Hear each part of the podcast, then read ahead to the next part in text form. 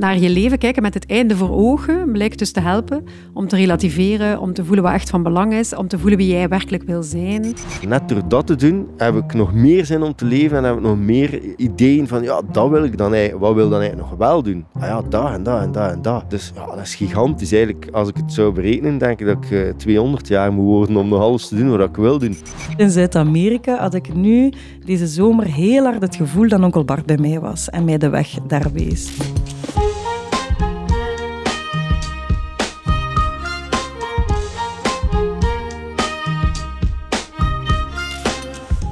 Eva, jij hebt in je leven wel al wat mensen verloren, hè? Mensen die gestorven zijn, die dicht bij jou stonden. Ja, eigenlijk wel. En dat begon al redelijk vroeg. Op mijn dertiende ben ik een onkel Bart verloren. Op mijn zeventiende Bjorn al. Alle vier mijn grootouders. En dan vorig jaar een heel goede vriendin, Annemie ook. Ja. En heeft dat jou veranderd, denk je, in wie je bent? Goh, ik denk toch altijd dat dat groot deel is van mijn verhaal. Zeker die mensen die ik zo vroeg verloren ben, dat ik dat toch meedraag en dat ik toch anders reageer daardoor. Ehm, en ook hier thuis op mijn bureau hangen er allemaal kaartjes en foto's en herinneringen aan die mensen. Die zijn wel altijd bij mij. Mooi wel. Dat is ook precies wat Tom, onze getuige, gaat vertellen vandaag in deze aflevering, Eva. Wat een confrontatie met de dood kan doen met het leven. Wow, daar ben ik wel echt benieuwd naar. Maar Maaike, wat heeft de dood en de confrontatie met de dood met verwondering te maken eigenlijk? Want we zitten toch in ons wouwseizoen. Ja, dat zouden niet verwachten. Hè? Maar in het reusachtige onderzoek dat professor Dacher Keltner, daar hadden we het al over in aflevering 1. Aflevering, ja. Mhm. Dus het reusachtige onderzoek dat hij deed naar awe, mhm. het gevoel van ontzag, van verwondering, daarin heeft hij 2600 verhalen verzameld over dat gevoel bij mensen uit 26 verschillende culturen. Dus dat is een heel breed onderzoek. En daar komen verschillende verhalen terug over zowel het begin van het leven, dus aan, bij geboortes, als op over het einde. Mensen voelen zich dus blijkbaar overmeesterd door verwondering, bij een geboorte, wat wij logisch vinden, maar dus ook aan een sterfbed. Maar ja, dat zijn wel echt twee heftige gebeurtenissen in een mensenleven. Dat is logisch, ja. Ja, ja, en dat we daar ontzag bij ervaren, vind ik eigenlijk ook niet gek. Mhm. Want het is iets dat ons overstijgt. Hè. We botsen op... Ja, ja. Je zou dat ons niet weten kunnen noemen. We weten eigenlijk niet hoe het voelt om te sterven. We weten niet of er iets na de dood is. We weten wel dat we gaan sterven en dat we onze geliefden zullen verliezen, maar niet hoe of wanneer. En die dood laat ons dus zien dat we minder invloed hebben en minder keuze dan we denken. En die herinnert ons dus ook aan hoe machteloos we zijn en hoe vluchtig het leven is. Mhm. Dat is misschien griezelig en dat is denk ik iets dat we vaak vergeten in deze tijd, maar ik denk dat het ook tegelijk een soort opluchting is. We hoeven het niet allemaal zelf in de hand te hebben. Ja, dat is waar. En jij bent hierover iemand gaan interviewen, Tom, hè? Ja, Tom is een jeugdvriend van mij. Ik ben hem gaan interviewen trouwens aan de surfput in Beervelde. Want Tom is uh, niet alleen een creatieve duizendpoot, maar ook iemand die surft en fotografeert en muziek speelt. En we zagen hem al een keer samen op het kerkhof van Christi op Reveil, toch, Maaike? Ja, inderdaad. Dat zat in aflevering 3 van seizoen 3 over ruimte maken om te rouwen. Ja. Maar Tom is dus behalve die ene keer voor Reveil ook muzikant en daarnaast professioneel ontwerper van avontuurlijke speelplaatsen, mhm. vader, amateurfilosoof. En hij verloor zijn broer Yves aan zelfdoding toen hij zelf twintig was. En daar start zijn verhaal vandaag. Ik weet eigenlijk nog perfect. Dat was een, uh, oh, een dinsdagochtend dat mijn ouders uh, naar mijn kamer kwamen. Ik moest opstaan voor school. En die kwamen, ja, Tom, we moeten iets vertellen. Dus ja, je broer is, is overleden. Maar je ouders vertellen nu dat. En eigenlijk is dat alsof dat alles stopt uh, ja, de wereld rondom u bestaat eigenlijk ook niet meer. Dat heeft ook geen belang. Um, en uh, ik, zij vroegen ook onmiddellijk aan mij, ja, wat, wat wilde doen? Um, en ik had geen idee. Ik dacht, ja, ik, blijf, ik denk dat ik ga blijven liggen in mijn bed. Ik ben blijven liggen, ik weet niet hoe lang, een hele tijd. Maar ik heb, als ik er achteraf op terugkijk, wel, denk ik, heel rustig aangepakt van oké, ik blijf een paar uur in mijn bed liggen, dan ga ik opstaan ga ik je vragen hoe dat met mijn ouders is, bijvoorbeeld. Ehm, ja, moet ik naar school gaan? Nee, ik denk het niet. Ja, ik ga niet. Oké.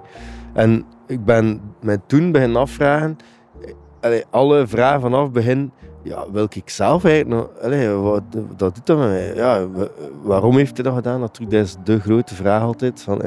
Maar dan, um, wil ik eigenlijk hier ook nog wel, zijn. Want, ik wist ook wel, allee, dat is niet zomaar gekomen. Hij had al ja, dat is een struggle van jaren geweest dat hij hem niet goed voelde in zijn vel en, en ook niet akkoord was met hoe dat de maatschappij draaide enzovoort. Dus hij was op zich wel een maatschappijkritische mens. Maar op die leeftijd, hij was 18, kunnen dat misschien moeilijker verwoorden en is dat, ja, is dat misschien een manier om te zeggen van ja, voert, ik doe daar gewoon niet aan mee en ik stap daaruit.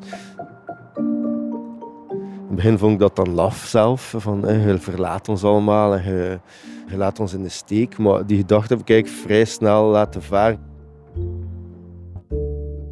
Ja, dat komt wel binnen, maken en is wel herkenbaar voor mij. Want ik verloor dus op mijn zeventiende ook Bjorn, een vriend van mij, aan zelfdoding. En ik herinner mij nog de als de dag van vandaag, de moment dat de leiding, eh, de scoutsleiding, aan de deur stond om dat te vertellen. Echt heftig wel, ja. Ja, dat vertel je ook in jouw podcast. Hè? Waarom? Ja, inderdaad. Ik heb daar een podcast over gemaakt. Pas twintig jaar na datum wel. Want we hebben daar twintig jaar heel weinig over gepraat, dat heel ver weggestopt in ons hoofd. Uh, ja, wie wil kan dat online zeker eens beluisteren, hè, die podcast. Waarom? Maar ik vraag me af, wat gebeurde er met Tom na dat nieuws? Hoe ging hij er zelf mee om? Hij dook er helemaal middenin, blijkbaar. En dat typeert hem ook, vind ik. Hij ging het echt aan. Ik was aan het studeren voor sociale assistent, dus ik had heel veel eindwerken en werkjes die ik moest maken. Ik ben me daar volledig beginnen ingraven. Waar iedereen mij afraadde, omdat, omdat je jezelf dan zo nog wat verder kapot maakte. Maar ik wou door het diepste dal gaan om dat echt volledig te proberen begrijpen toen. Zo alles over zelfdoding en alle eindwerken die ik moest maken, alle groepswerken ging allemaal daarover. En uh, ja, mensen zeiden dat is niet gezond en je maakt jezelf kapot. Maar ja, nu achteraf daarop terugkijken, ja, ik zou het direct eruit doen. En dat was pijnlijk en moeilijk. En, maar ja, dat is een van mijn theorieën die ik straks nog zal verkopen over de heuvels. Uh, ja, ik denk dat dat, dat, dat iets is wat, dat, wat dat je door moet. Ik ga niet graag, en ik noem dat ook niet graag probleem, ik ga niet graag problemen uit de weg. Ik, ga, ik zie dat als uitdagingen en ik ga die aan op een op een tempo dat bij mij past. Je moet niet elke uitdaging proberen oplossen op 10 minuten, maar bij sommigen lukt dat ook niet. Maar als je, als je vanaf het moment dat je die uitdaging voor u ziet, de eerste stap zet om die uitdaging aan te gaan, dan denk ik dat je... Allez, dat, dat, leert, dan neem je dat mee om in een latere fase een andere uitdaging die misschien gelijkaardige dingen heeft, ja, ook aan te pakken. Ja, iedereen verwerkt de dood op een andere manier natuurlijk, maar hij vliegt er inderdaad wel in. Sterk wel. Ja, krachtig hè? Ja. Ik vind rouwen toch ook iets bijzonders. Eva, ken jij die fases van Elisabeth Kubler-Ross? Die mhm. Kregen wij nog op de universiteit toen. Die werden als een soort standaard voor rouw gezien. Ja, ja, ja, ik heb daar ook wel over gelezen. Dat is iets met dat je eerst dan boos bent en dan verdrietig en zo, die fasen. Hè? Ja, zij beschreef er vijf, ah, vijf fases. Ontkenning eerst en dan boosheid onderhandelen zit erbij en dan verdriet en uiteindelijk aanvaarding. Ja. Nu, blijkbaar baseerde zij die niet op rouwende mensen, maar op mensen die een diagnose kregen van een ongeneeslijke ziekte. Mag je? Maar die vijf fasen bleken bijzonder aantrekkelijk en helder en een soort behapbaar. En die werden dus lange tijd als de standaard beschouwd voor rouwprocessen. Maar ondertussen, en dat wil ik eigenlijk vertellen, zijn die achterhaald. Ah. Mensen blijken eigenlijk helemaal niet zo'n mooie opeenvolging van emoties te ervaren. En er is zelfs geen enkel onderzoek dat erin geslaagd is om überhaupt die vijf fases te onderscheiden. Er bleken altijd meer emoties te zijn of manieren om daarmee om te gaan, of minder of andere. Ja, ik herinner me nu ook een van de experts in mijn podcast waarom die het had over golven van rouw. Hè? Ja.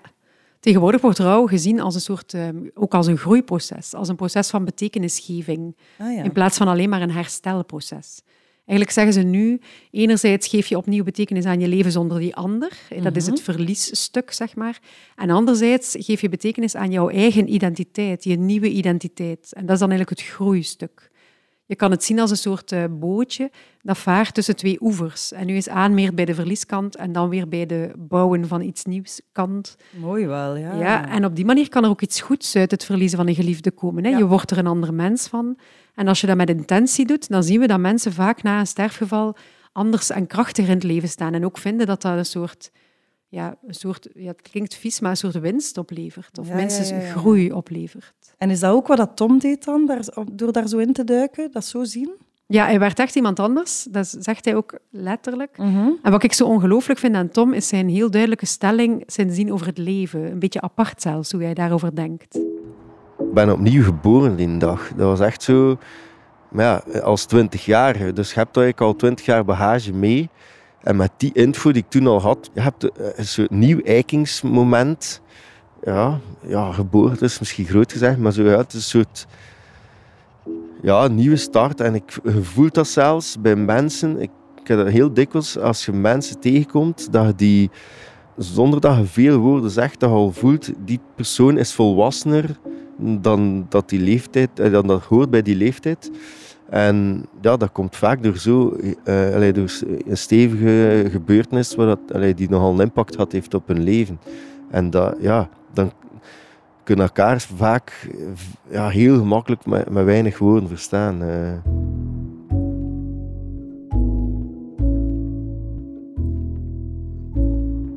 Ik herinner mij, in jullie programma hebben ook ooit eerst iets, een oefening gedaan rond uh, wat als ik iets, uh, alles zou durven of zoiets. Zo'n bepaalde oefening. Uh, ja, en bij mij dat, dat was toen niet onmiddellijk, maar dat is eigenlijk nu gaandeweg wel gegroeid. En dat komt doordat ik daar heel actief nog altijd mee bezig ben met dat, met dat rouwen. Um, ja, durf ik mij zelfs af te vragen, ja, wil ik nog leven? En dat heb ik toen heel veel gedaan, maar zo, ja, misschien nog wat onbewust. Maar dat is nu eigenlijk bijna een soort moment geworden dat ik me dat af en toe nog een keer afvraag, ja, waar sta ik nu in het leven? Ja, wil ik nog leven? Ja, dat, allez, het moet zijn door, door eigenlijk de dood te zien als iets dat niet uh, bedreigend is en iets dat niet. Ik ben daar niet bang voor en ik zou nu kunnen sterven en nou, ik ben daar oké mee. Daardoor leef ik eigenlijk nog veel liever. Mensen hebben zoiets van: ja, je moet toch leven, want ja, het leven is zo kort. En nee, wat ik, heb, ik redeneer omgekeerd. Leven is eigenlijk heel lang geleefd, elke dag, en je sterft maar één keer. Dus ja, wanneer dat, dat is, als dat morgen is, is het voor mij oké. maar ik zou natuurlijk graag 140 eh, jaar worden. En dat ga, ik ga dat op een dag waarschijnlijk beslissen, op mijn gevoel, dat het voor mij genoeg geweest is. Dan ga ik nog, uh, nog ergens, ja, iedereen salu zijn die ik wil salu zijn. En dat, ik wil eigenlijk een soort uh, mijn zelf mijn leven actief kunnen neerleggen. Net zoals mijn broer dat gedaan heeft. Maar hij heeft dat natuurlijk heel vroeg gedaan. Wat, wat ik misschien in het begin moeilijk mee had. Van, je hebt nog gans je leven voor je. waarom zo jong? Maar ja, misschien was het voor hem genoeg. En, en ja, dan is hij gelukkig. Dus ik vind... Sommige mensen. Ja, ja, je broer heeft zichzelf van het leven ontnomen. Dat is zeer erg. Ja, soms denk ik van... Ja, ik weet dat niet. Want misschien is, het, is hij nu gelukkiger dan dat hij toen was. Hij was een hele struggle aan het voeren. Um, en is hij nu, is daar, ja, is hij nu oké? Dus ja, misschien, misschien is allemaal wel, moeten we wel happy zijn dat dat zo is.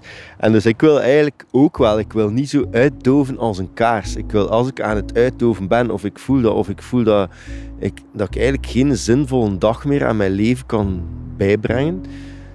Uh, dat ik denk, ja, ik eigenlijk alles beleefd wat ik wil, wil beleven. Dan zou ik eigenlijk er graag zelf mee kunnen stoppen.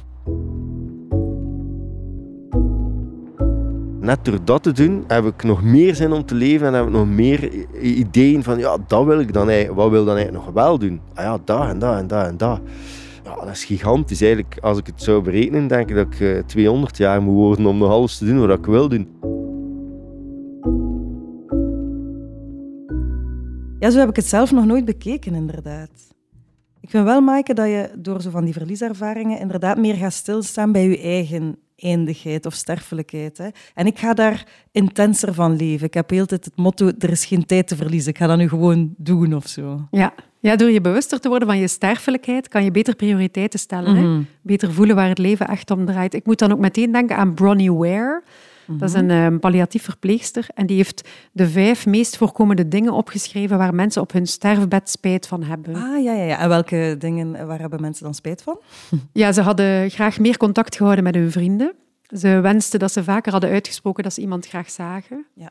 Ze hadden graag meer een leven willen leiden dat paste bij hen en niet bij de verwachtingen van anderen. Ze, hadden, ze wensten ook bijna allemaal dat ze minder hard hadden gewerkt. Kijk, daar. En het laatste is, ze hadden gewild dat ze zichzelf vaker de toestemming hadden gegeven om gelukkig te zijn. Oh. Dat is ook wat Tom doet, vind ik. Die, eh, die geeft zichzelf de toestemming om elke dag de moeite waard te maken. Dat is ongelooflijk. En dat is goed om dat nog allemaal een keer te horen wel. Dat zijn dingen waar je inderdaad op zo'n momenten bij gaat stilstaan. En dat doet mij nu denken aan een andere podcast die ik heb mogen begeleiden. Dat is een prachtige podcast. Misschien heb je hem al gehoord, Na de rouwstoet van Nona van Brakel. Ja. Die is net uitgekomen. Um, en Nona die verloor haar vader aan kanker toen ze 16 jaar was en blikt daar nu zes jaar later op terug. En een van de grote boodschappen van Nona is, ik denk dat daar eens in aflevering drie of vier zit, maar ik vond dat zo mooi. Zij roept echt de luisteraars op, als uw ouders nog leven, als uw naasten nog leven, zeg hen dan genoeg dat hij hen graag ziet, nu het nog kan. En dat is zo waar, hè? Oh, ja, jong. En als je net zoiets meegemaakt hebt, dan beseft je dat eigenlijk heel goed. Maar ik merk wel dat dat weg hebt in het waan van de dag, in het drukte van het werk en zo. Dus het is goed, Maaike, om hier af en toe een keer aan herinnerd te worden. Ja, er zijn zelfs in de positieve psychologie enkele wetenschappelijk onderzochte oefeningen. Mm Dat noemt dan positief psychologische interventies. En die zijn daarop gericht. Eentje, houdt er bijvoorbeeld, eentje gaat er bijvoorbeeld over dat je droomt over je best mogelijke toekomstige zelf. Ah, ja. En een ander dat je je eigen grafrede schrijft. Huh? Schrijf je dan de speech die anderen over u gaan doen op uw begrafenis, of wat, wat, is de oefening? Nee, het is eerder een soort in memoriam die je schrijft over jezelf. Ja. En daardoor denk je na over hoe jij herinnerd wil worden, over ah, wat ja. meest van belang is. Mhm. Zullen we ze delen als freebie anders? Die... De onze? Nee, nee, nee, de oefeningen. Hè? Die oefeningen, die PPI's. zeer goed, zeer goed. Dat gaan we doen. Ja, want naar je leven kijken met het einde voor ogen blijkt dus te helpen om te relativeren, om te voelen wat echt van belang is, om te voelen wie jij werkelijk wil zijn, om voorrang te geven en tijd te maken om bijvoorbeeld mensen te zeggen dat je ze graag ziet, mhm. om de juiste keuzes te maken. Tom vindt dat ook heel krachtig en die last daarom elk jaar drie bezinningsdagen in voor zichzelf. Ja, dat is onder andere de dag hè, dat hij geboren is, de dag dat hij gestorven is en uh, mijn eigen verjaardag. Want die dagen liggen verspreid over het jaar en dat zorgt er voor mij voor dat, dat ja, drie keer op een jaar kun je ja, jezelf terug eiken aan, aan, iets, uh, ja, aan iets heel groots. En dat, dat zorgt ervoor dat ik denk ik, in het, of dat ik ik ging zeggen goed in het leven staan, maar ik zal zeggen in het leven staan zoals dat ik erin sta. En mensen kunnen mogen dat beoordelen als goed of slecht, maar ik voel me daar super goed bij, omdat ik dan weet van, ja, zo, zo wil ik ook in het leven staan. En dat verandert ook wel door de jaren heen. Op zo'n dag dat ik in bezinning ga, moet ik soms wel uitleggen aan mensen van, ja, maar ik kom wel terug die geruststelling moet ik ze wel geven. Want, en, nu minder dan vroeger, omdat, omdat mijn vrouw weet dat nu wel al van oké, hij is weg en ik ga niet zo, maar hij, komt wel zeker terug. Uh, maar vroeger was dat dan, ja, alles oké. Okay. Om drie uur s middags kreeg ik al een berichtje, alles oké. ja. En vaak antwoord ik dan ook niet. Allee, uh, ja, Dick zit van, ja, ik wil me echt afzonderen van alles dat mij kan afleiden van het feit dat ik samen wil zijn met mijn broer. En om samen te zijn met mijn broer, ja, je kunt dat meditatie noemen. Maar moest ik in een soort toestand komen. En om in die toestand te komen, moest ik... Ik ben iemand die vrij actief is, moet ik mijzelf soms zodanig uitputten dat, dat mijn... Ja, dat mijn fysiek eigenlijk, of mijn, dat, dat niets nog in de weg zit van mijn emoties en dat die gewoon vrij uitkomen. Want ik denk dat iedereen dat wel heeft. Ja, houdt je wat stoerder of je, of je doet je... Allee, ik ben niet bang om emoties te tonen, maar je kunt ook niet hele dagen als je triest loopt, lopen ween. De situatie leent er zich niet altijd toe. Dus iedereen heeft wel altijd een keer dat je een bepaalde emotie moet inhouden. Dat kan ook uh, omgekeerd zijn, dat je niet wilt lachen op een begrafenis bijvoorbeeld. Allee, je, houdt je altijd wel een keer ergens in. Mensen hebben dat geleerd om, om dat te doen. En ik, uh, ja, op die dagen graaf ik daarin. En dat uh, graaf ik om zo diep mogelijk te geraken in de toestand waarin dat mijn emoties gewoon vrij de loop kunnen. En om duur raak ik ook eens in een toestand en dan fiets ik bijvoorbeeld langs, langs de weg en dan ben ik keihard aan het wenen en dan zie de mensen kijken naar mij en dan, dan hebben ze nog nooit gezien iemand op een koersfiets in een koerspakje die dan uh, zit te wenen ja, alsof dat in een enorme regen- en stortbui terechtkomt. Maar dan gaat dat in één keer over en dan zie je de zon weer komen. En, en tien minuten later is het toch weer aan het regenen. En dat, dat is een rollercoaster eigenlijk van allemaal emoties. En ja, dat, soort, dat is gelijk een zuivering of zoiets. Ja. Maar wat een cool idee om dat te doen. Naast collectieve herdenkingen, want die vind ik ook echt super waardevol. Ook echt zo dagen, momentjes voor jezelf maken. Ik deed dat ook een klein beetje de laatste tijd. Je weet dat, sinds ik terug ben uit Zuid-Amerika, had ik opeens het gevoel dat er heel veel verdriet en rouw precies boven kwam bij mij.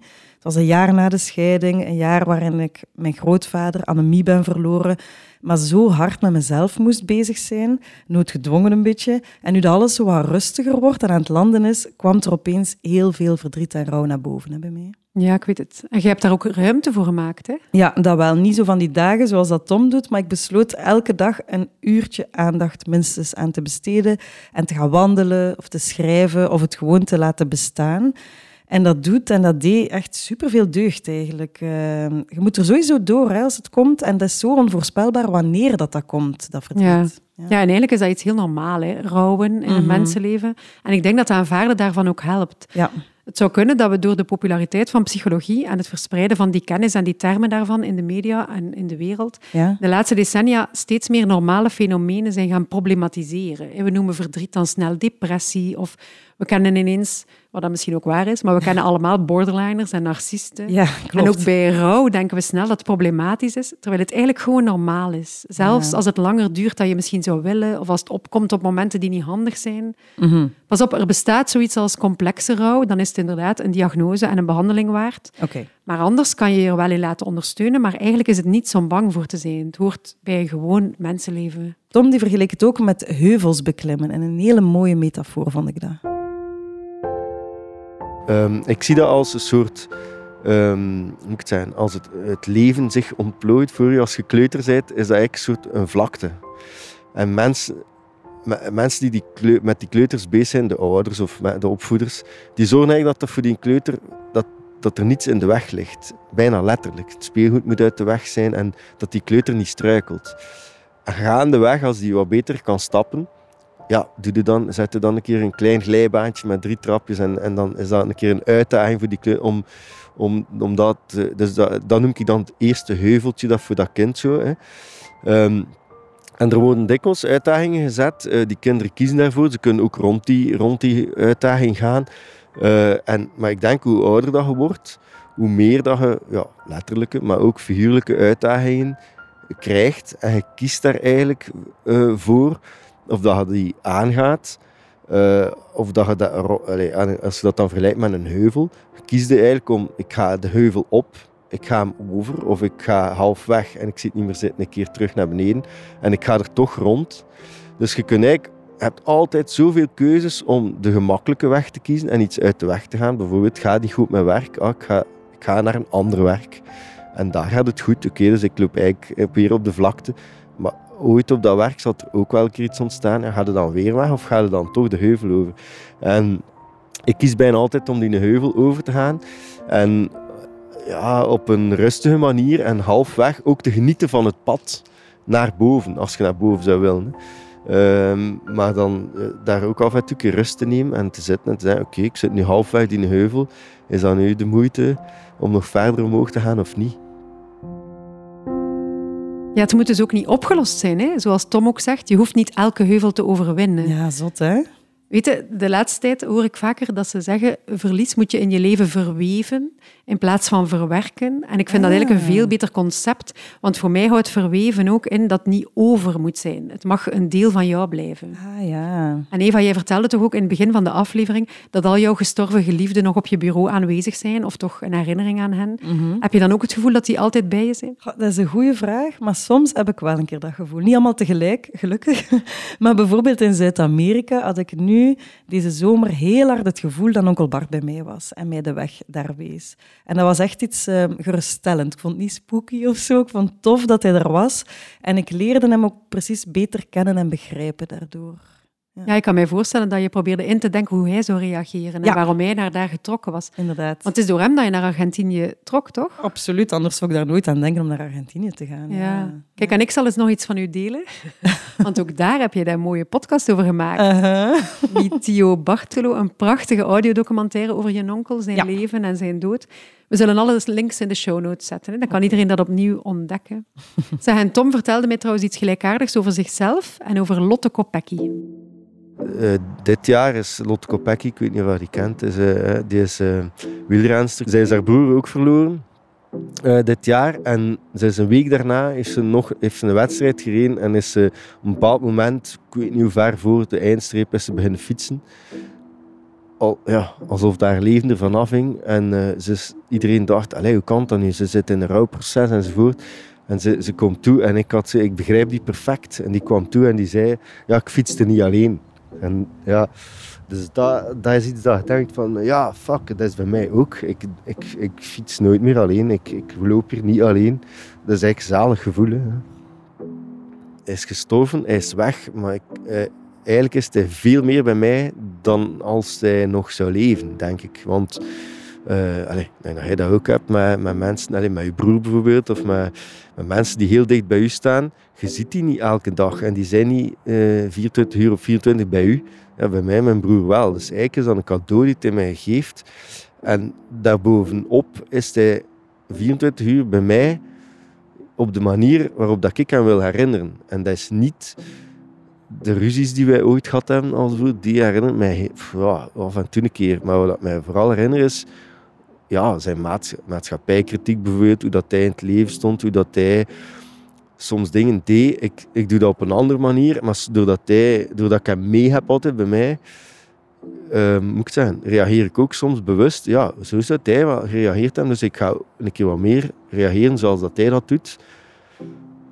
Dus hij leert mij eigenlijk nog elke dag dingen en hij leert mij nog hoe, hoe dat ik anders in het leven kan staan. Dus dat, ja, dat is eigenlijk een cadeau die hij mij geeft. Goh, een cadeau zelfs. Dat is wel een mooie manier om ernaar te kijken, vind ik. Prachtig. En ook hier toont Tom toch weer hoe, als we de dood meer in ons leven brengen, dat ons dat kan helpen om dit leven meer de moeite waard te maken. Ja. En Eva, ik zei het daarnet al, maar jij maakte dus al twee podcasts zelf hierover. Je hielp ook mee met de podcast van Nona om die reden. Dat is allemaal niet toevallig, toch? Jij wil hier toch iets mee? Eigenlijk gebeurt het allemaal zeer organisch in mijn leven, zo lijkt het. Maar als je het nu zo vraagt en als ik over nadenk, ja, ik heb misschien wel de nood om die verhalen te vertellen, met als doel om toch iemand te helpen of herkenning te bieden of te troosten.